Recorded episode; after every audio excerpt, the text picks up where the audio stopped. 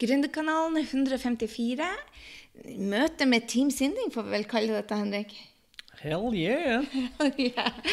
Velkommen til Gründerkanalen, tilbake til Gründerkanalen. Dette er Gry Sinding, og i dag så har jeg med mannen min. For vi har, vi har gjort en sånn eh, årlig greie at på bryllupsdagen, så To år på rad, da. Så, så, tar vi opp litt sånn litt ekteskapsgreier og litt sånn litt mer personlig. Ja, og det er jo litt skummelt, om jeg skal si det helt ærlig. Så jeg håper at det kan komme, være til hjelp for andre. Da. Jeg regner med at vi ikke er helt unike i forhold til litt ektens, ekteskapelige utfordringer og, og, gleder. Ja, og så har vi til og med fått mange spørsmål fra, fra lyttere, så det syns jeg var kjempespennende. Så det skal vi starte med. Og så skal vi ta noen sånne gode, gamle ekteskapsrådgivningsspørsmål på slutten. Jeg tror det er de du uh, gruer deg mest til. Exciting, exciting, Jeg tror vi bare hopper i det, for vi har fått utrolig mange herlige spørsmål. Så eh, Henrik, vi starter med et spørsmål fra Helene. Så sier eh, jeg lurer på om dere kan snakke om hvordan dere balanserer jobb og privat, og de som trenger dem der ute. Da tenker jeg vel kunder, og de som trenger oss her hjemme. Oss, hverandre og familien. Har du lyst til å starte med det? Mm, kjempebra spørsmål, Helene. Og det er noe som jeg er litt opptatt av. For når du er sammen med en veldig ambisiøs uh, dame, så som Gry som du er, så føler man innimellom at kanskje kundene blir prioritert foran uh, partneren. Og det, det, er litt kjipt, rett og slett. Så det er en ting som jeg uh, jobber med og tar opp med, tar opp med, med deg, Gru, innimellom. Og det, vi er på rett spor. Vi er på rett spor. Og jeg syns jo det at jobben er mye mer spennende enn eh, familielivet til tider. Fordi at hjemme så krangler man, og det er noen som krever meg. Og jeg er ikke så god på den delen, men på jobben så rocker jeg. Og så har jeg folk som Helene som forteller meg å rocke. Så jeg får mye mer positiv feedback enn jeg får hjemme. Så um, en av de tingene som jeg slutta å gjøre, var f.eks. å vaske og lage middag og sånn huslige greier. Jeg gikk bare til streik, jeg tror det var i 2009. 2009. Bare gikk til streik, gadd ikke mer, og det falt ikke så god jord. Nei, men det er greit. Det, sånn er det. Prioriteringer og interesser det endrer seg over tid. Det er helt greit. Så, men sånn helt konkret, da, en sånn ting som jeg eh, vil ha til, og som, som, vi jobber med å få til i forholdet, er at i, i F.eks. på kvelden etter et tidspunkt så er det mobilene off. For det, det føler jeg liksom er en stor utfordring altså både i samlivet vårt, men også sånn i hverdagslivet generelt. At alle folk henger mer på den der eh, fancy mobilen sin enn å være opptatt av mennesker. Så, så liksom bli enige om noen, eh, noen nedetider, i hvert fall. For det, i hvert fall for min egen del syns jeg det er veldig frustrerende hvis uh, hvis vi blir hengende på mobilen en hel kveld, liksom, det, og da, det er liksom litt da jeg kanskje føler, kan føle at uh, det er viktigere å skape engasjement der ute på postene sine. Liksom, Jesus, når var opptatt av det! Nå snakker jeg generelt. Jeg kanskje, tenker kanskje Helene har noe interesse av å høre på dette her. Ja, men det er sant som du sier det. Eh, sånn cirka når ungene kom hjem Tidligere når ungene var små, så var det klokka fem. Da var det fra fem til syv. Mens nå er det på kveldene at vi har off. Og vi ser kanskje på en Apple, Apple TV-film, men vi henger ikke på mobilen. Og jeg tror det er veldig, veldig viktig. Helt enig. Og noen sånne enkle kjøreregler syns jeg er lurt. F.eks. går du ut på restaurant eller noe sånt, eller går ut på en kafé, eller noe sånt, legg bort mobilen altså, når dere er sammen. Ikke sant? Har dere en halvtime sammen, så, så bruk den til å være sammen, og ikke connecte med andre. på og så har vi sesonger. Så, nå i denne sesongen, i juli f.eks., juli-august, så er det familiesesongen. Mens uh, vi er veldig klar over at det er september, da er lansering, og da jobber vi mye mer. Og, og det, det, avtaler vi på forhånd før vi går inn i lansering, så vet vi at det er jobbetid. I fjor så hadde jo du lansering midt i, uh, juli, noe som ikke falt i god jord, for at det er jo familiesesongen, og det var, det var for dårlig planlagt. og, og da droppa Henrik å, å, være på familieferie, og det syns jeg var litt kjipt. Pluss jeg hadde ferie alene uten at det var planlagt. Jeg husker det. Så i år har jeg droppa lansering i ferien nå. det var lurt. så, så, kort fortalt, så jeg, jeg, tror ikke så mye på balanse. Jeg tror mye mer på, på sesonger. Så um, jeg, jeg, tror vel det er det som vi er ganske gode på, å vite det at ok, nå er vi i en sesong med familie. Da er det familien som får prioritering. Mens andre ganger så er det sesong for jobb, og da er det jobben som får prioriteringer.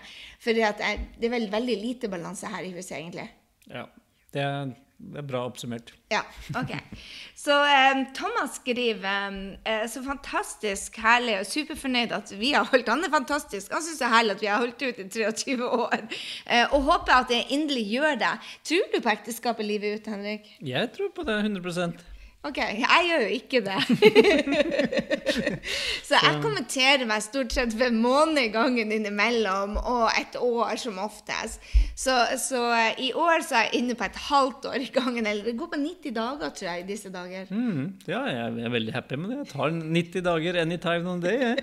og så har du til slutt blitt 23 år. Så jeg, du snakker jo litt alvor, men også litt spøk. Da, men, men jeg tror for min del jeg tror også på um, på å, å, henge sammen med noen og ha en partner som er forskjellig fra deg. For det, og det er det jeg digger med det. At vi er veldig forskjellige. Vi er motsatte på veldig mange måter. Men det, jeg syns det, det, gjør at du får et mer spennende, spennende, liv, men også veldig masse mer utfordringer. Så det er, det er aldri noe free lunch eller gratisbillett. Det er det i ethvert forhold. Det er det aldri. Og jeg tror det er veldig viktig å huske på det, at det som jeg først falt med, med deg, Henrik, det begynner jo å irritere etter hvert. Å være klar over at det også går i perioder. Da, du, eh, da jeg falt for deg, så leka jo jeg som jeg var interessert i sånne camping og sånne friluftsliv. Og det kom vel som et sjokk om at jeg faktisk ikke liker skog og mark og sånn. Så, eh, men, men det endrer seg jo. Mm. Mm. Så blir det å holde livet ut, det vet man ikke, Thomas. Men, men jeg tenker det at eh, innimellom så må man bare ta én dag i gangen. For det er så mange utfordringer at det er om å gjøre å komme seg gjennom neste utfordring. Mens andre ganger så flyter det mer. Mm. Absolutt. Hva du syns, er vi inne i en god periode eller en dårlig periode nå? Nå syns jeg vi er inne i en veldig god periode, for nå driver vi og leker litt med å ja, har fått litt, fått, litt, hjelp og litt kursing, og så driver vi og tester ut ting. og det, det, tenker jeg i hvert fall, det er oppskriften på hvert fall, å få et bedre forhold. At man ikke tar det for gitt. At man innser at uh, liksom håper på at partneren skal se meg, forstå meg, gjøre de tingene jeg ønsker liksom hele tiden. Det, det er ikke oppskriften. Men det må faktisk Uh, jobbe med forhold, selvfølgelig. Så, og, og, det jeg tenker at Hvis du ser tilbake til hvordan det var de første, år, første året, eller whatever, da var virkelig forelska, altså hvor dumme vi var, vi, alt var morsomt, alt var gøy altså handler, Jeg tror det handler mye mer om det. liksom, Ta, og, ta et steg tilbake og, og se Ikke ta alt så jævlig alvorlig, da. Så, vær litt mer dumme. Litt silly og dumme. og Le av hverandre det er for så vidt en utfordring hos meg. Men Gry syns jeg ikke er morsom i det hele tatt. Jeg syns jeg er kjempemorsom. Jeg syns du er faktisk ja. umorsom. Ja, Men det er, allikevel fikk deg til å le, så det, det er ganske morsom allikevel, tenker jeg. Så det er et godt eksempel på at de ikke tar hverandre så jævla seriøst. Jeg vil tilbake til det du sa om å få hjelp. fordi at uh, vi har vært mye i trøbbel, og da går vi til å få hjelp når det egentlig brenner, og jeg er på tur ut av døra, for nok er nok. Jeg orker ikke dette. Og det er litt for seint å få hjelp. Jeg tror det, det, er veldig lurt å få hjelp både ut av ja, ekteskapsrådgivere og psykologer og coacher. Jeg tror at uh, ekteskapet er noe man må jobbe med. Altså, foreldrerollen og ekteskapet er jo to, to av de viktigste, selv om man, altså partnerskap Man trenger ikke være gift engang. Men det, det intime forholdet det er en av de tingene som man ikke tar tak i før det brenner og går til helvete. Og jeg tror det er så mye viktigere, i hvert fall har vi lært det, at, at det er mye viktigere å, å få hjelp hjelp mens, når det begynner å gå i nedoverbakke, istedenfor når det brenner. For da, da, er det så utrolig mye skade gjort allerede. Mm, jeg er helt enig. Så, og det, vi har prøvd mange forskjellige sånne ekteskapsrådgivere og sånn. Jeg vil si sånn i hindsight, de fleste av de med ganske dårlig resultat. Så jeg tenker at jeg skulle gjort det igjen, liksom starta på nytt, så tror jeg ville jeg ville brukt mer tid på å gjøre litt sånn research. Da, altså Snakke med venner og sånn. For det, det, er helt, det, er helt, utrolig. Altså, dette er jo litt sånn tabu som folk egentlig ikke venner heller snakker noe særlig om. Men plutselig, så hvis du åpner deg først, i hvert fall har jeg opplevd det, så, så, er, så, begynner jo andre folk å fortelle og liksom utfordringene de har, og hva de har gjort for å få hjelp og sånn. Så, så liksom, gjør litt research for å finne noen som du tror kan matche deg. For altså, det er ikke, selv om du går til hvilken som helst ekteskapsrådgiver, eller whatever, det er ikke sikkert den personen er bra match for deg. Eller for, uh, hvis dere går sammen for uh, forholdet. Hun Este Perel var f.eks. For, for meg en helt jævlig dårlig ekteskapsrådgiver, for hun tok bare de sider. Men podkasten hennes derimot, den elsker jeg. Så hvis du er en podcasterperson, gå til å se på Este Perel. Den podkasten den er helt bare rå. Og i ettertid så hjalp hun oss jo veldig. Men det var tøft når vi var der. Fytti rakkeren. Jeg gaula i mange dager når det er sagt. Ja, så ikke gi opp hvis den første samtalepartneren eller ekteskapsrådgiveren eller whatever ikke funker. Da var det ikke match. Men det, det er i hvert fall min læring. At det er, det er noen der ute som vi kan matche med, begge to, og få hjelp av.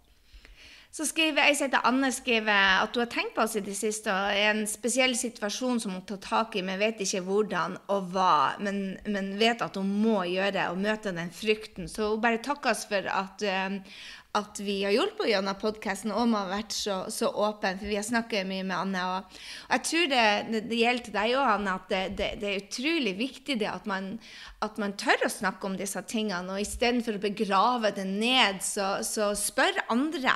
Bare spør andre. 'Hei, jeg står i en kinkig situasjon.' Og inni, jeg spurte jo mine venninner som har vært skilt, bare 'Når vet du at det er slutt?' det er slutt? For det er jo ofte jeg liksom Jeg stod der bare 'Nå må jeg faen meg få motet til å gå'. Jeg blir Av og til så er så flau over at jeg ikke vet hva jeg vil. Og, og, så sier de alle de bare De visste det. De bare visste når de skulle gå. Mens vi har, gått gjennom fire store kriser gjennom de 23 årene som jeg har blitt. Og det er for at noe bare holdt meg igjen. Jeg bare visste det. at Ofte så vet jeg at det er jeg som må jobbe med meg sjøl. Kanskje ikke har så jævla mye med deg å gjøre og vår relasjon, men, men at jeg må jobbe med meg sjøl. Og det er, jo, det er, jo, det du ikke har lyst til. Så Ja, begynne å sette pris på humoren min, f.eks. Nei, drit i det. Ok. Vi har fått et, et, spørsmål fra Juliane, som spør um, Siden dere begge jobber selvstendig og driver egen business, blir det ikke konkurranse om hvem som lykkes best? Og så deler hun at uh, mannen skal alltid være det beste i alt, og dermed så mister hun både uh, mot og lyst til bare for å få fred hjemme.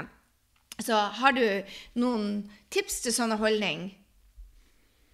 Mm, ja, altså det er et interessant spørsmål. Da, for jeg vet jo at uh, vi har hatt noen runder med det. Altså spesielt du føler det, liksom, at, det, at, at det er konkurranse og sånn. Og det, uh, jeg, jeg, opplever ikke sånn på samme, egentlig på samme måte. Uh, jeg tenker jo egentlig mer at det går litt sånn i sesonger også. Da, at det, tidligere så har jeg liksom jobba i finans og hatt noen såkalt karrieregreie der og gjort det, gjort det bra og sånn. Og de siste flere årene her nå, så er det jo du som, som gjør kjempekarriere. Og det, jeg unner deg det for hele mitt hjerte. Selv om jeg, jeg sier at samtidig så går det kanskje ikke helt fram hos deg. da.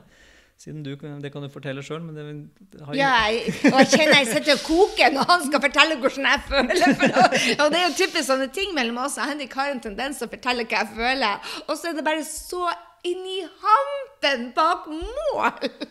Så det er litt morsomt. Det er veldig morsomt. Mm. Så det, det, så, og jeg ler ikke. Nå, nei, jo, jeg ser du ler. Nå skal ikke jeg fortelle mer om hva du føler, men jeg kan si til Juliane, som spør om noen tips da, og det, det sånn Generelt vil jeg si, i hvert fall som jeg har lært masse, at det er jo det der med kommunikasjon som er så sabla viktig, men så sabla vanskelig uh, ofte.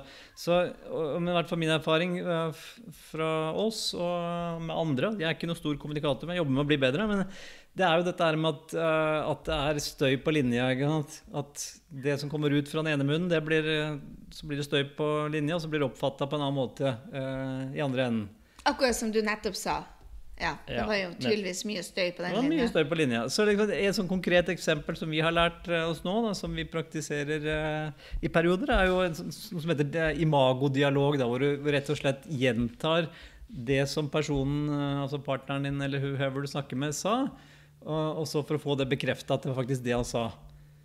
Ja, og det, det, som har hjulpet oss med den imagoterapien og med, med, de samtalene, er jo det at du slår ned eh, tempoet.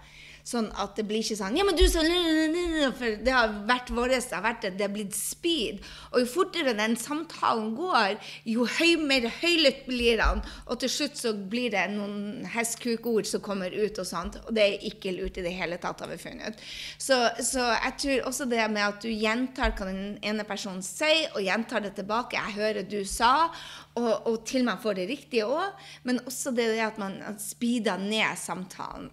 Ja, altså det er liksom som Juliana som du skriver her, at det er mannen din ga deg noen råd som du uh, absolutt ikke likte, Altså så begynner- få deg jobb på McDonald's eller noe sånt. Altså det, og da, kan, liksom, da kan den teknikken funke. at Det er kanskje ikke det han egentlig mente. Kanskje det var satt på spissen, eller kanskje det, var, altså, kanskje det var sarkasme, for alt jeg vet. Altså, men i hvert fall vår erfaring at, som Gry sier, at det hjelper å speede ned, og at det ikke eskalerer så lett opp i en konflikt. Da. Hvis du tar en pust i bakken og, og gjentar det, det partneren sa, og får det bekrefta, eventuelt at han får et nytt forsøk på å si hva han egentlig mente. Ja. Og så tror jeg det med hensyn til konkurranse oss imellom um, for min egen del som jeg bli mer raus mot Henrik. Jeg er ofte rausere mot andre, eh, inkludert meg sjøl, enn Henrik. Så jeg, det er jo en av våre store utfordringer at jeg er veldig ambisiøs, og du syns egentlig livet er bra sånn som vi har det. Så jeg vil ikke kalle det en, en sånn konkurranse, men jeg vil mer, jeg vil større, jeg vil bedre, jeg vil hjelpe flere, jeg vil ha, jeg vil ha mer påvirkningskraft. Mens du er mer happy der vi er.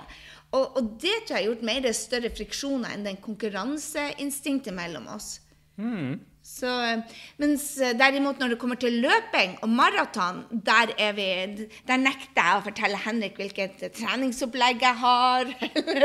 der er det bare sånn der, Dette var min hobby, la meg være i fred! Jeg vil ha en ting for meg sjøl, så jeg slipper å føle at jeg er i konkurranse. Og det forstår ikke du i det hele tatt. Nei, kun care less. Sist uh, sitt maraton, så løp jeg sammen med deg, selv om du ikke var Da var du syk. Da var jeg i elendig så form. droppa jeg å, å løpe. Så gikk løp, slash løpe slash gikk. Ja, du tok deg. igjen for den første. Ja, det gjorde jeg òg, men jeg couldn't care less. Var Akkurat sånne ting. Så eh, Mona spør eh, har du en tips til oss travle gründerdamer om hvordan ta best vare på holde, forholdet fra et mannsståsted? Ja, det, så Mona, da tenker jeg litt på samme som jeg svarte i forhold til Helene sitt spørsmål. Altså, rett og slett prioritere mannen din eh, innimellom. Altså øh, Fordi i hvert fall det jeg vet, altså hvis, hvis man blir for opphengt i den derre være henge på sosiale medier, i hvert fall, så, så vet jeg flere menn enn meg da, som syns det er irriterende. Og da, da føler man i hvert fall seg ikke sett, da. Tenker jeg da, Hvis det liksom blir den viktigste greia, eh, og som, som er go to eh, i mange sammenhenger når dere er sammen. Og så tror jeg det er en ting vi begynte når uh, ungene var født. altså Når Jakob var seks uker gammel, implementerte vi det. Husker du det? Ja. Kjærestedager. Kjærestedager, helt nødvendig. eh, Og kjæresteweekender. Så når ungene var små, så hadde vi hver sjette helg. Selv når jeg amma, så var det sånn at vi hadde en, en natt hvor vi var alene. Ofte så hadde vi bare hjemme alene-netter, bare for å få litt tid til sex og sånn. Og, og um, når ungene ble litt større, så hadde vi også Eller nei, da hadde vi lange weekender og dro på turer og ferier alene.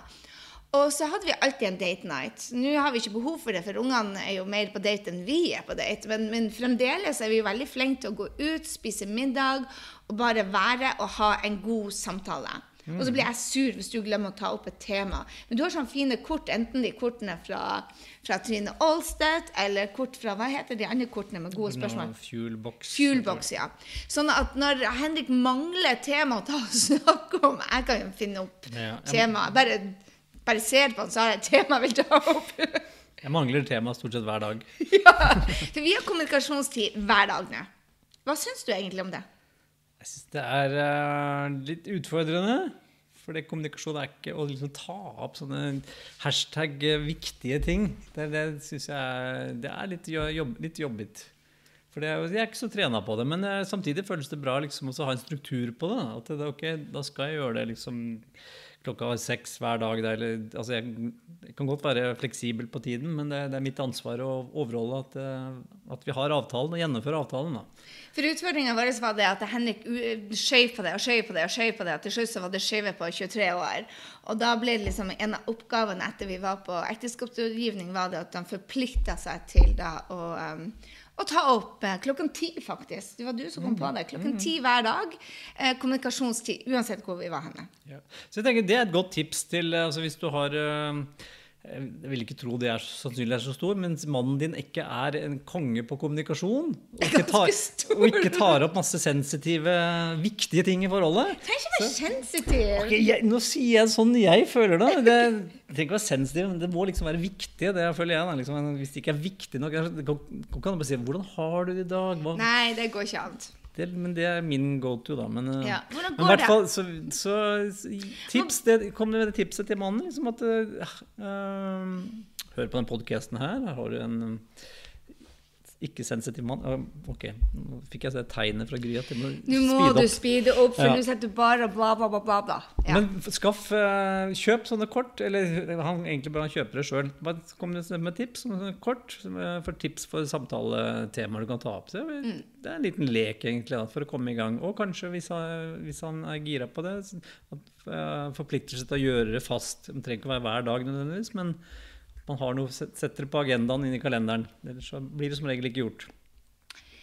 Så sier Lene Hei, flotte frue. Dere ser fabelaktige ut på bildet. Enda finere nå enn i 2000 og Nei, når gifta vi oss? 1996, gutt. Å, herregud, på 1990-tallet. Tusen takk, Lene. Um, mens eh, hun har funnet denne kjærligheten, men så nå eh, bekymrer hun seg med indre sannheten om hva hun egentlig skal jobbe med. Eh, og hun må tygge litt på for Akkurat nå så er bank, og så begynner hun å lure på om hun skal bli gestaltterapeut. Um, og det er jo veldig mange som lurer på om de er kommet på riktig plass. Jeg tenker det at det er mye viktigere å ha det bra der du er i dag, og det er mental trening. Så uansett om du ikke er happy i banken, så begynn å finne et eller annet som gjør deg happy. Altså min, Mitt sideprosjekt som var å være coach, ble jo fulltidsbedriften min, og den tok jeg coachingutdannelse tok jeg jo samtidig som jeg var konsulent. Hadde jeg jobba mye mer med mental trening, så kunne jeg nesten vært like happy som konsulent som jeg er i dag. For jeg tror det der eh, Det å se hva du har, og, og, og, og egentlig fordype deg i takknemlighet på det du har i dag, kan gjøre at hver eneste jobb blir en drømmejobb. Men det er det der å snu mindsettet. For når man begynner å mistrives på jobb, så begynner man å se etter hva som suger. Det gjelder jo i ekteskap òg, egentlig. Og når du begynner å se etter hva som suger, hva du misliker, så vokser det. Så det å snu det og begynne å se bare, ok, hva liker jeg? Kanskje du har rå kollegaer. Kanskje du har noen som tar vare på IT-en din. ikke sant? At Hver gang det er et eller annet som er feil med, med Mac-en din eller PC-en din, så kommer noen og fikser det. Eller kanskje du kan faktisk legge fra deg jobben klokka fem. Så begynn å se etter det du faktisk liker med jobben din. Samtidig så er jeg overbevist på at vi alle får sånn der hint fra universet hva vi egentlig skal drive på med. Så begynn å se på hva er det folk spør deg om hjelp til.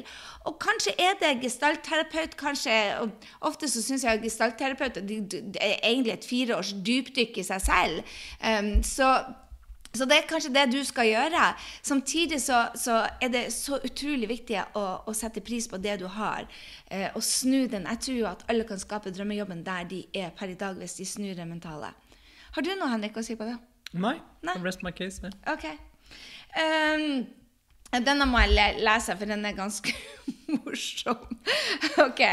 Hei, Gry. Hyggelig med mail og tema ekteskap, eh, eller elteskap eller ekteskap. Eller varmeboks. Eller hvorfor ikke snyltesjappe? Er man hver dag sammen av fri ville, eller vil man egentlig noe annet? Hvor drømmer man seg bort, og med hvem? Og når man ikke lenger har samme drivkraft som den andre, ikke lenger samme interesse Den ene liker å treffe folk, den andre liker best seg hjemme på sofaen. Da er mitt spørsmål til dere to hvordan kompromisserer dere kalenderen og innkjøper hvem deres eh, hvem dere skal være med eller slippe å være med, se sofa. Hvordan gjør dere det? Eh, Kom kompromiss, eller stoler dere på at alt går bra? Klem fra Nina. Jeg syns den var skikkelig Ja, veldig morsom. morsom. Så det er mange tanker rundt det der. Så hvis jeg bare starter med, med altså, hvem gjør hva, liksom sånn generelt, så er jeg tilhenger av liksom gjør, altså, gjør det du er god på og, og, og jeg interesserer deg. Så derfor så er jeg jævla, jeg er jævla god på å rydde i garasje, litt, klippe plen og litt Jeg er ikke så god på maling, men jeg liker å gjøre det i hvert fall. Altså, mens å vaske klær, legge, brette sammen sånn nyvaska sengetøy og sånn Jeg er veldig dårlig på det. Jeg har blitt gått i læra nå i 23 år, men jeg er ikke så veldig god på det. Så, så det er liksom nummer én, tenker jeg, da. Altså, gjør, Du, du lager mat. Ja, Du får sørge for at alle får mat i magen. Og det gjør ikke jeg. Liker ikke kjøkken, har aldri likt det. Så jeg gikk som sagt på streik i 2009, og siden har jeg vært der. Eh, Så, så det er litt at du gjør det som du er god på, og så kjøper resten. Ingen av oss liker å vaske. Så der har vi vaskedame, uansett hvor vi er henne. Om vi er i Frankrike, New York eller her i Drøbak på hytta, så har vi vaskedame. Og det har vi hatt siden 1994. Mm. Og i starten syntes du det var noe tull? Det var sløsing av penger. Vi hadde ikke så mye penger i det hele tatt. Men det er jo som alt, det er jo prioriteringer. da. og det, Ettertid er jeg veldig glad for det. Ja, for vi har aldri, vi har aldri krangla. Egentlig så har vi hatt veldig lite Vi har veldig lite pengekrangel, og vi har veldig lite sånn husarbeidkrangel. For vi er veldig enige om at det ingen liker å gjøre, det outsourcer vi. Så eh, når Henrik for eksempel, Vi bor ikke i lag så veldig ofte. eh, Og det er jo også en prioritering. Og da kjøper jeg mat. Da kjøper jeg sånne folk som leverer mat på døra, sånn ikke jeg eh, skal sulte. Og så har jeg lært ungene å lære å lage mat. De begynte å lage mat ganske tidlig. Når 12-13 år så var en av oppgavene deres å lage mat til til folket. Da. Hele familien. så, um, så jeg tror det at gjør det du er god på, outsource resten. Og vi hadde søren meg En stund så hadde vi ikke penger til noe annet enn havregrynsgrøt til middag, men allikevel så er ikke oppvaskerhjelpa. Så, så uansett hvor dårlig råd vi har hatt, så vasker jeg faen ikke doet. Det er bare sånn det er.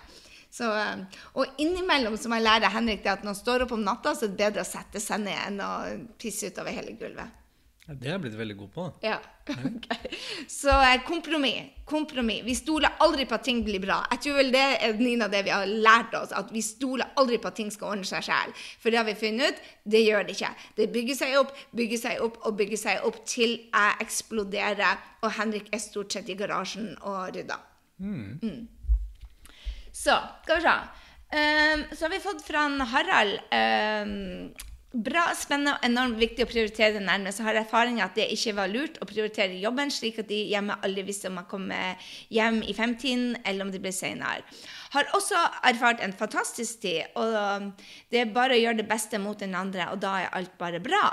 Men den gode perioden gikk over. Samtidig så tror jeg dette er nøkkelen å gjøre det man er best med, leve sammen med. Um, Jeg tror gjerne et tips hvordan, dere kom til, eh, hvordan han kan komme tilbake til den faktisk eh, den beste tida. Og så skrev han en gang et visord. Glede og, fremka, glede og fremka, fremgang spirer når ruging på egen og andres elendighet tar slutt. Hva gjør dere for å forstå hverandre rett og bygge hverandre opp? Mm, veldig bra spørsmål. Det er, det er jo, du har kommet litt lenger enn oss. Du har alt gift 30 år Samme kjerring. med samme kone. Gratulerer! Fredsprisen til deg. Ja, absolutt. Men jeg, samtidig, sant? du er interessert, og jeg, sånn jeg skjønner det, liksom, at du, du skjønner at det er noe Det er work in progress, så, og du er fortsatt interessert i å, å, å gjøre det bedre, altså få et bedre forhold. Så der er jeg òg, eller vi òg. Men eh, det jeg tenker da på um, Fader, nå falt jeg litt ut av tråden her. Skal jeg ta opp tråden? Jeg tror det er det å se den andre, og hvordan ser man egentlig hverandre. Og det å se hverandre F.eks. jeg pynta meg fra Henrik. Og når ikke han pynter seg for meg, så blir jeg å sette det på agendaen.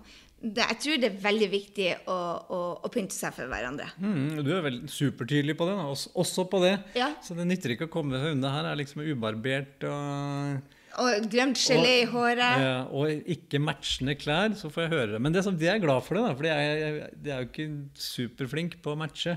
Jeg har blitt bedre, men etter hvert, så hvorfor ikke? Og det, det, jeg liker det prinsippet der. Altså, slutt med det å håpe på den andre skal se deg. Ta heller og Si det du ønsker. Og For meg er sko viktig, så Henrik har tendens til å bruke joggesko til alt. Og, og, eller ryggsekk. Når han er ute med meg, mm -mm, da må han vise seg det at han vil se bra ut for meg. Og det betyr å legge joggeskoene hjemme og ryggsekken hjemme. Ja. Ja. Ja, sånn generelt tror jeg altså menn er Generell basis da, så er, så er vi mer opptatt av å gå i komfortable klær og sko, og gjerne det samme flere dager på rad. liksom. Ja. Det er, Da slipper vi å tenke på det. Liksom, velge.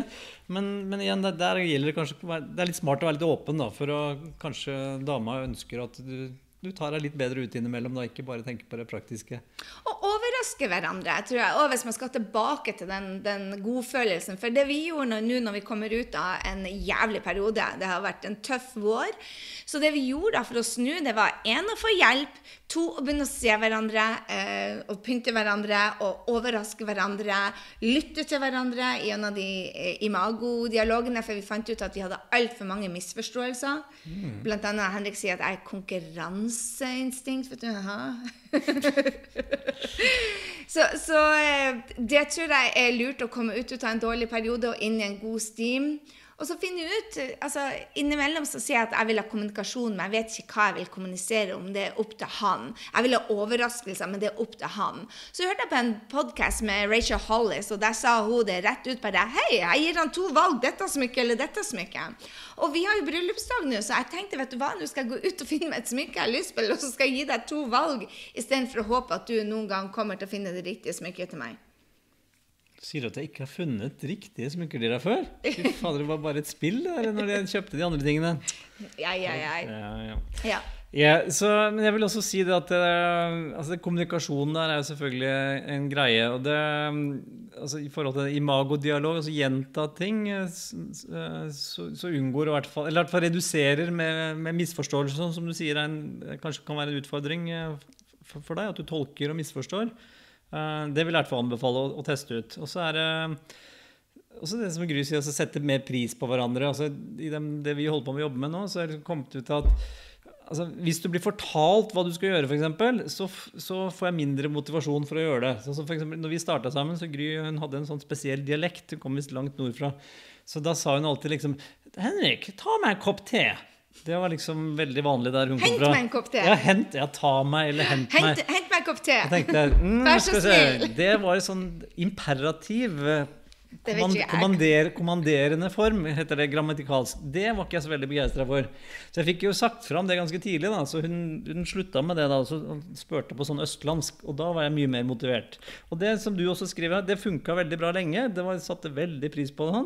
Men eh, når det gikk noen år, og jeg fortsatte å hente de der tekoppene hver eneste helg og innimellom på ukedager, og sånn, så ble det en selvfølge. Til slutt så mista jeg motivasjonen. Så det, det har noe med det der at ok, sette pris på de små tingene Og som nå dere får jeg gjør te for på hverandre. senga. Akkurat nå så jobber han veldig med seg sjøl. Han henta te på senga selv om jeg sa nei takk. Så, så ja, veldig, veldig bra.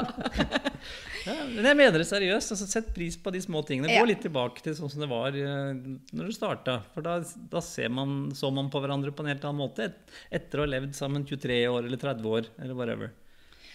Og så sier du tolker og misforstår litt grann hva, hva kona di sier, så jeg tror det, den imagosamtalen er veldig lur å ta opp da. Og så eh, tenker jeg å det, det er det å ville se det beste. For jeg vet veldig godt når jeg vil misforstå deg. Absolutt. Og det gjør du òg. Ja, Og av og til så søker vi en krangel, kanskje enten for at vi kjeder oss, eller fordi at vi ehm, eh, kanskje bygger seg opp litt for mange irritasjonsmomenter som vi ikke har eh. I dag eksempel så sier han Henrik eh, eh, 'Hvordan går det?' Eller hva var det du sa? Du bruker å si en sånn setning. Jeg husker ikke. Ja. 'Hvordan har du det?' Liksom sånn østlandsk. Og jeg bare jeg ser på ham med lynende øyne og bare 'Prøv deg ikke!' Og så satte han seg ned og så sa han 'Jeg merker at det er noe gærent. Er det noe du vil snakke om?' Og da fikk han halvtimers ride, men du spør meg ikke hvordan jeg har det, liksom. Så ja. Mm. Så det, er- det er et bra eksempel. Så da kan jeg øve meg neste gang. Kan, kanskje jeg klarer å gå rett på det mer sensitive spørsmålet, for da vet jeg jo egentlig at her er det noe grums, så her blir det antakeligvis litt ubehagelig. Og det, for meg så er det, det er jo en litt sånn sperre for å ta opp ting. da, på at eh, jeg vet at sjansen er stor for at det blir litt ubehagelig. Og jeg tror mennesker generelt er jo sånn vi prøver å skjerme oss for det ubehagelige. Så, men det, det vil jo ikke redde forholdet, i hvert fall, i, eh, over tid. Så skriver han eh, Stein Erik jeg skjønner ikke hvorfor du skal blande business med privatliv. Det er rart å høre om privatlivet, for det er noe man egentlig ikke ønsker å høre om. Hva er greia? Det er ikke alle oss vi hører om dette. De vil ha bare min eh, kunnskap og business. Ha en fin sommer. Hilsen Stein Erik. Og Stein Erik til deg. Vet du hva? Mine drømmekunder er ikke som deg, som vil bare ha businesstips. For jeg er ikke bare business. Jeg er business og privat, og jeg er veldig privat. Og jeg vil snakke om sex, jeg vil snakke om mensen, jeg vil snakke om krangling, jeg vil snakke om barneoppdragelse. Det er det som skaper businessdama Gry. Det er hele livet. Og jeg skiller ikke mellom marketingtips og mensentips eller hodepinetips. Sånn er jeg bare. Og det er viktig at jeg jobber med de folkene da, som gir meg den gode energien, og den som skaper at jeg har lyst til å gå på jobb og tenke meg Halla dette kan jeg få gjøre hver eneste dag. Og da er det viktig at jeg tiltrekker meg de riktige folkene, og det er de som vil vite disse tingene. Det er det man gjør. Hvis man vil jobbe med folk som bygger en opp, og som vil ha bare sånn Wow, jeg vil jobbe med deg, og vi er best friends og sånn. Hvis det er de folkene du må ha, så må du dele mer enn bare marketingtips. Så derfor Så de som ikke vil bare høre om mine kunnskaper om business, det er ikke de som kjøper produktene mine. For da vet de det at jeg vil blande. Og jeg tror det at eh, privatlivet er like mye business som det er Altså for meg der eksisterer ikke noe skille. Jeg er på ferie med mine bestevenninner. Og mine bestevenninner og bestevenner de er også kundene mine. Det er helt snålt, men i begynnelsen så hadde jeg en kjempeutfordring med det at alle venninnene mine var, var businessfolk. Men det er sånn jeg vil ha det. Og det er viktig at du lager en business som du digger. Så Stein Erik, det, det er liksom litt ut av greiene her. Uh, at du må tiltrekke deg de kundene du vil ha. Og mine kunder så vil jeg begge deler. Mm. Mm. Så sier hun eh, Mai Wenche spør um, til deg. Er det du som er strategen bak kulissene på Facebook, og satser du like mye på Facebook-annonsering, eller har du en ny strategi? Ja, hei, Wenche. Så jeg jobber med Facebook-annonseringer. Jeg hadde jo, som du vet, et, jeg har et online-kurs og lærer bort andre hvordan du gjør Facebook-annonsering. Uh, så jeg har fortsatt, jeg jobber fortsatt med det. Jeg er ikke helt sikker på om jeg skal lansere nytt kurs, men det jeg jobber mer med nå, er egentlig å jobbe som strateg og egentlig partner for, en, et, et, for et, lite antall kunder. Som, eh, som, har bygd opp og bygger opp online business. Så, så jeg er med, med, på en måte en sånn partnerskap med de da også, og hjelper de uh, å få opp businessen og lansere og, og nå ut til um, til mange flere kunder. Så, så, det er liksom hovedbusinessen. Og så har jeg også da, som sagt online-kurset eh, i, i, tillegg. Og, og, Gry er jo da en av, en av de eh, kundene som jeg, som jeg, jobber med på Særlig da på Facebook-annonsering og litt sånn på online business-strategi og markedsføring generelt. Så, så det er, eh, er statusen. Jeg vet ikke om du er fornøyd med Nei, ikke i det hele tatt. jeg er ikke fornøyd med det hele tatt når det kommer til det. For han har eh, fire andre kunder som er mye mer profilert og flinkere enn meg og får altfor mye oppmerksomhet. Mens jeg betaler mest og får minst. Så jeg er ikke happy. Så dette er en av de områdene som vi må ha en sånn fot i bakken og bare Hei, jeg vil òg være prioritet for faen! ja, det er, jeg skjønner hva du sier. Det er balansegang, det der. altså på alle keep, keep the clients happy. And keep the, your partner lover happy. Det er faen meg ikke lett. Nei. Så spør hun Gry om du skulle starte en bitchship fra scratch nå. Hva vil du gjøre annerledes? Hva og hvorfor? Eh, jeg ville ha starta Jeg ville gjort ting annerledes. Jeg ville det. Jeg ville ha vært mye mer fokus på listebygging, og det er noe jeg jobber med hele tida nå. Større fokus på listebygging, listebygging, listebygging mot én type kunder. Jeg spredde meg med din beste versjon, Skap din drømmejobb, SSV, SOS, eh, Network Marketing. Jeg spredde meg, eh, ja, ikke minst Mastermind, jeg spredde meg altfor tynt. Og når du gjør det, så blir du dratt i alle kanter. Så skulle jeg gjort dette om igjen, og det er noe som jeg går tilbake, så er det å ha ett eller kanskje to hovedprodukter, og så jobbe bare med det. Det betyr det at det blir litt kjedelig, men da få deg en hobby. Skriv ei bok på sida, eller gå tur i skog og mark. I don't know. Men businessen, å ha syv fokusområder, er ekstremt usmart. Til tross for at jeg jobber opp ett millionprodukt i gangen, så blir det, det, det blir for tynt. ikke sant? Jeg har både Gründerud, din beste versjon, SSV, Mastermind, SOS. Jeg har så mye kurs nå at jeg, jeg, innimellom så vet jeg ikke hva jeg skal lansere. Så jeg bygger ned nå til to hovedprodukter og blir å holde meg der. Så, og det tror jeg er, er, er, vel det jeg ville ha gjort, fordi at, at da hadde jeg hatt listebygging både mot den kunden istedenfor at jeg har listebygging mot fire forskjellige kunder. Så, så, det er det jeg ville gjort annerledes. Men Det er jo interessant at du sier det nå. for det, det er, Du kommenterte det sjøl, men altså, grunnen til at du gjorde det Du sa jo det. Kjørt STD to ganger, så 'Å, jeg kjeder meg i hjel'. Ja. Jeg må jo ha noe annet å gjøre. Det, det, er jo du litt spesiell. Det skal ikke mye til før du, før du begynner å kjede deg hvis du gjør det samme for mange ganger. Så, men, men, det er jo et paradoks å balansere der. Ja, så det jeg kunne gjort, det er ikke sant, for å, å, å ha skapt en drømmejobb. For det er, det er, det beste kurset der ute. Og jeg mener det. Jeg elsker det produktet. Det gjør en forskjell for folk. Og, eh, men jeg ble lei. ikke sant, Kjørte den samme lanseringa to, tre, fire ganger i året. For meg så, så, gikk det ikke. Det jeg kunne gjort, var å blogge mer rundt dette, gitt mer verdi til kunden, og så hatt to, to svære lanseringer istedenfor mange små og så kanskje skrevet en bok og gjort podcaster og gjort blogger rundt akkurat samme type temaene for å, å utfordre meg selv mer. Men, men eh, fordi at jeg kjeder meg veldig fort og har ADHD, så, så var det viktig for meg å, å kunne hele tida Jeg liker med mange andre. Jeg syns det er mye gøyere å produsere og skape og være kreativ enn å synes det er med markedsføring. Så min, min læring er skal du vokse, skal du gjøre en forskjell for folk, så er det markedsføringa som er viktigst. Og det tror jeg ga slipp på litt for mange ganger. Mm. Så har jeg laga noen spørsmål. Er du klar, Henrik? Ja, veldig klar. Ja. Hva er mest utfordrende med å jobbe sammen med kjæresten din? Mm, det er jo rett og slett at det blir for tett. Uh, det, altså det blir for tett uh, Jobben tar over hele livet, så det er ikke noe sånn skille mellom livet. Mellom privatlivet og jobben. Ja, hvorfor er det et problem? Hva hva er problemet? Fordi er, vi er forskjellige. Jeg liker, å, jeg liker egentlig å skru av klokka seks eller whatever når jobben er ferdig. Du liker å ligge på sofaen.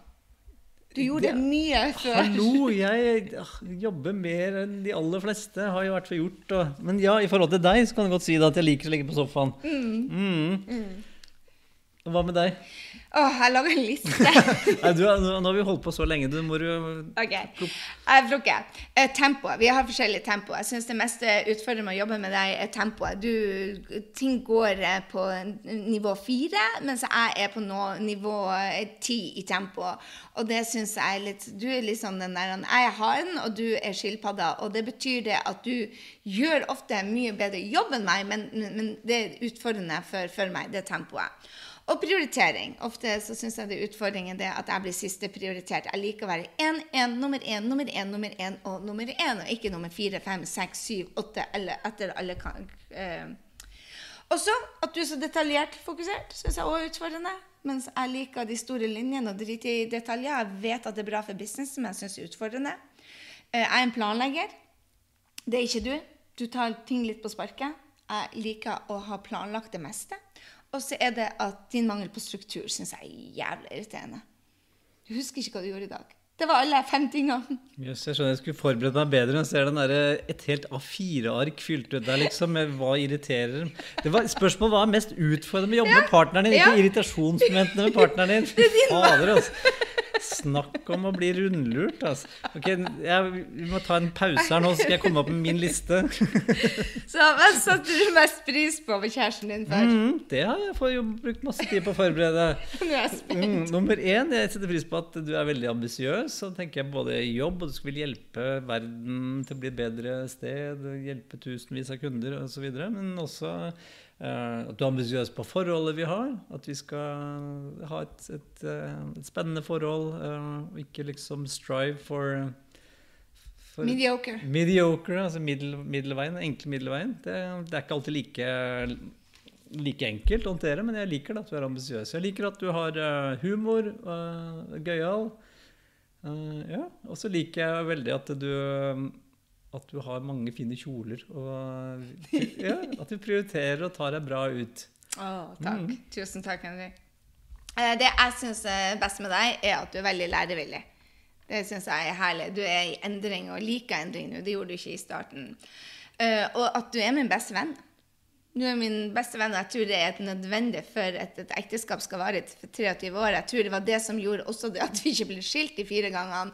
Det er det at min, min redsel for å tape min beste venn var så stor at jeg måtte jobbe med det for å få på plass sexlivet og alle de andre tingene. Um, at du er snill. Du er den snilleste jeg vet. Den mest omsorgsfulle mannen jeg vet, både som pappa og som venn. Så. Og at du er serviceinnstilt. Guri malla, du tar vare på kundene dine og oss. Um, og at du gjør det som må til. Rett og slett, Selv om du ikke liker det, så gjør du det som skal til. Mm, mm. Tusen takk. Det setter jeg pris på. Ja. Så hva tror du skal til for å um, få et godt ekteskap? Jeg tror nummer én, det som du nettopp sa, altså at vi er våre beste, beste venner. Altså vennskapet som ligger i båndet. For meg i hvert fall er det ekstremt viktig. At jeg, at jeg kan dele, dele, alt med deg, og det er deg jeg vil dele det med. Både negative og positive ting. Og ja, at vi er gode med hverandre, at vi er snille med hverandre. Jeg ser litt sånn simplistisk på det, kanskje, men litt sånn tilbake til sånn det var fra starten. Det, det tror jeg er bra for ekteskapet og forholdet. At man, man, man, ikke tar alt så seriøst. At man setter pris på mer små ting som om det er uh, hente tekoppen, eller at du kjøper meg ny skjorte, eller whatever. Det, de små tingene i hverdagen, jeg tror det er ekstremt viktig. Det er, det er hverdagene som er livet, er ikke det? Mm. Vi er gode på ferie, ikke fullt så gode på hverdagen, så vi jobber med å få hverdagen. Uh, for min del, hva skal til for å få et godt ekteskap, er at vi har kommunikasjon. Så jeg er veldig glad for at du jobber med den delen. Så det var en ekteskapsrådgiver som sa til oss at du kan ikke få bestevenninna di i, i, i, Du kan ikke få alt i én person. Men jeg tror kommunikasjon er noe av det viktigste. Så det å øve seg på det det er bare helt essensielt. Mm, det var Ester Perel som, som nevnte i stad, som vi gikk til, som du ikke likte. Men hun sa, hun sa 'hallo'. Hun, sa, hun, er, hun, er, enda mer direkte enn Gry, så kan du tenke deg. Og det er ikke rart ikke Gry likte.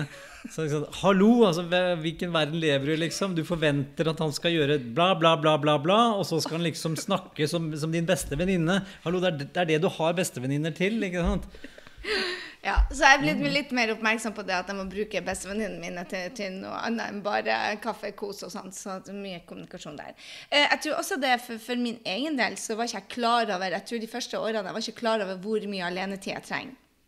Så det at jeg får frihet til å gjøre absolutt det jeg vil ha, og du stoler på meg det, For det gjorde du ikke i begynnelsen. I begynnelsen var du litt sjalu. Mm, men Det er en av våre styrker og en, en hovedgrunn til også at vi har vært sammen i 23 år. at uh, Kanskje første året, første én til to årene så var vi litt sånn prøve å føle oss fram. Men etter det så føler jeg at det har vært 100% tillit og at vi kan stole på hverandre. Mm. Altså, så det er ingen av oss som liksom går og, og følger opp den andre. Hva, 'Når kommer du hjem? Hva har du gjort?' Bla, bla, bla. Hvor sånn, skal du, ja, eller Nei. Det tar vi for gitt. Ja. Det, mm. Så det siste spørsmålet ser du har forberedt deg? Nei, det, det, dette var det. det samme, jeg tror det er veldig viktig. Jeg var ikke ferdig, skjønner du. Jeg har fem ting. Ja, ja. ja. Eh, jeg tror det må være spenning i forholdet, og jeg tror man må være sexy for hverandre. Og jeg sier til Henrik, eh, og jeg skulle ønske han sa det til meg Jeg hører mange si det at de ikke skulle ønske det. Men når Henrik blir tjukk, så sier jeg ifra. Og mange sier bare 'Å, han kan ikke bli tjukk. Jo, når han får sånn der mage som henger utover uh, trusa, så syns jeg det er usexy, og jeg vil ikke ha sånn klaskesex. Så for meg er det viktig i et forhold at man ikke har klaskesex, men at man tar seg bra ut. Så vi måtte gå på en sånn her potetgullforbud og vinforbud forbud her for at man skal bli mer sexy for hverandre. Og jeg tror det er ikke bra, bare bra for forholdet, men også det at man har energi og sånt. Vi har ikke så mye energi den dagen hvis vi er hangover og, og halvfeit. Så det er ikke det at man er halvfeit, det er det at man ikke tar vare på, på helsa. Jeg vil at du skal se sexy ut. Mm. Jeg er helt enig, og det er litt det jeg var inne på. Er, jeg liker at det er ambisiøst for forholdet. Ja. For det, det, letteste er jo bare å fortsette å spise potetgull og, og kose seg med vin og sånn. Og så men da, da, blir det, da, blir det, mye klaskesex. Men det så sier vi takk for i dag. Eh, siste. Eh, det er viktig at man ser hverandre. Så hva skal til for å få et bra jobbforhold, Henrik? Hva du tror vi må jobbe med? Det er work in progress, og det har jeg ikke svaret på. Men for, for, for meg, eh, en del er altså at vi ikke jobber så tett sammen, rett og slett, på den businessen din. Var, for meg så Vi har vært litt uenige der. Da. Gry ville egentlig ikke ha meg med, men jeg har pressa meg litt på. Jeg, jeg, hadde egentlig en sånn visjon og drøm om at vi kunne bygge sammen. For vi er veldig forskjellige og har veldig forskjellige kvaliteter.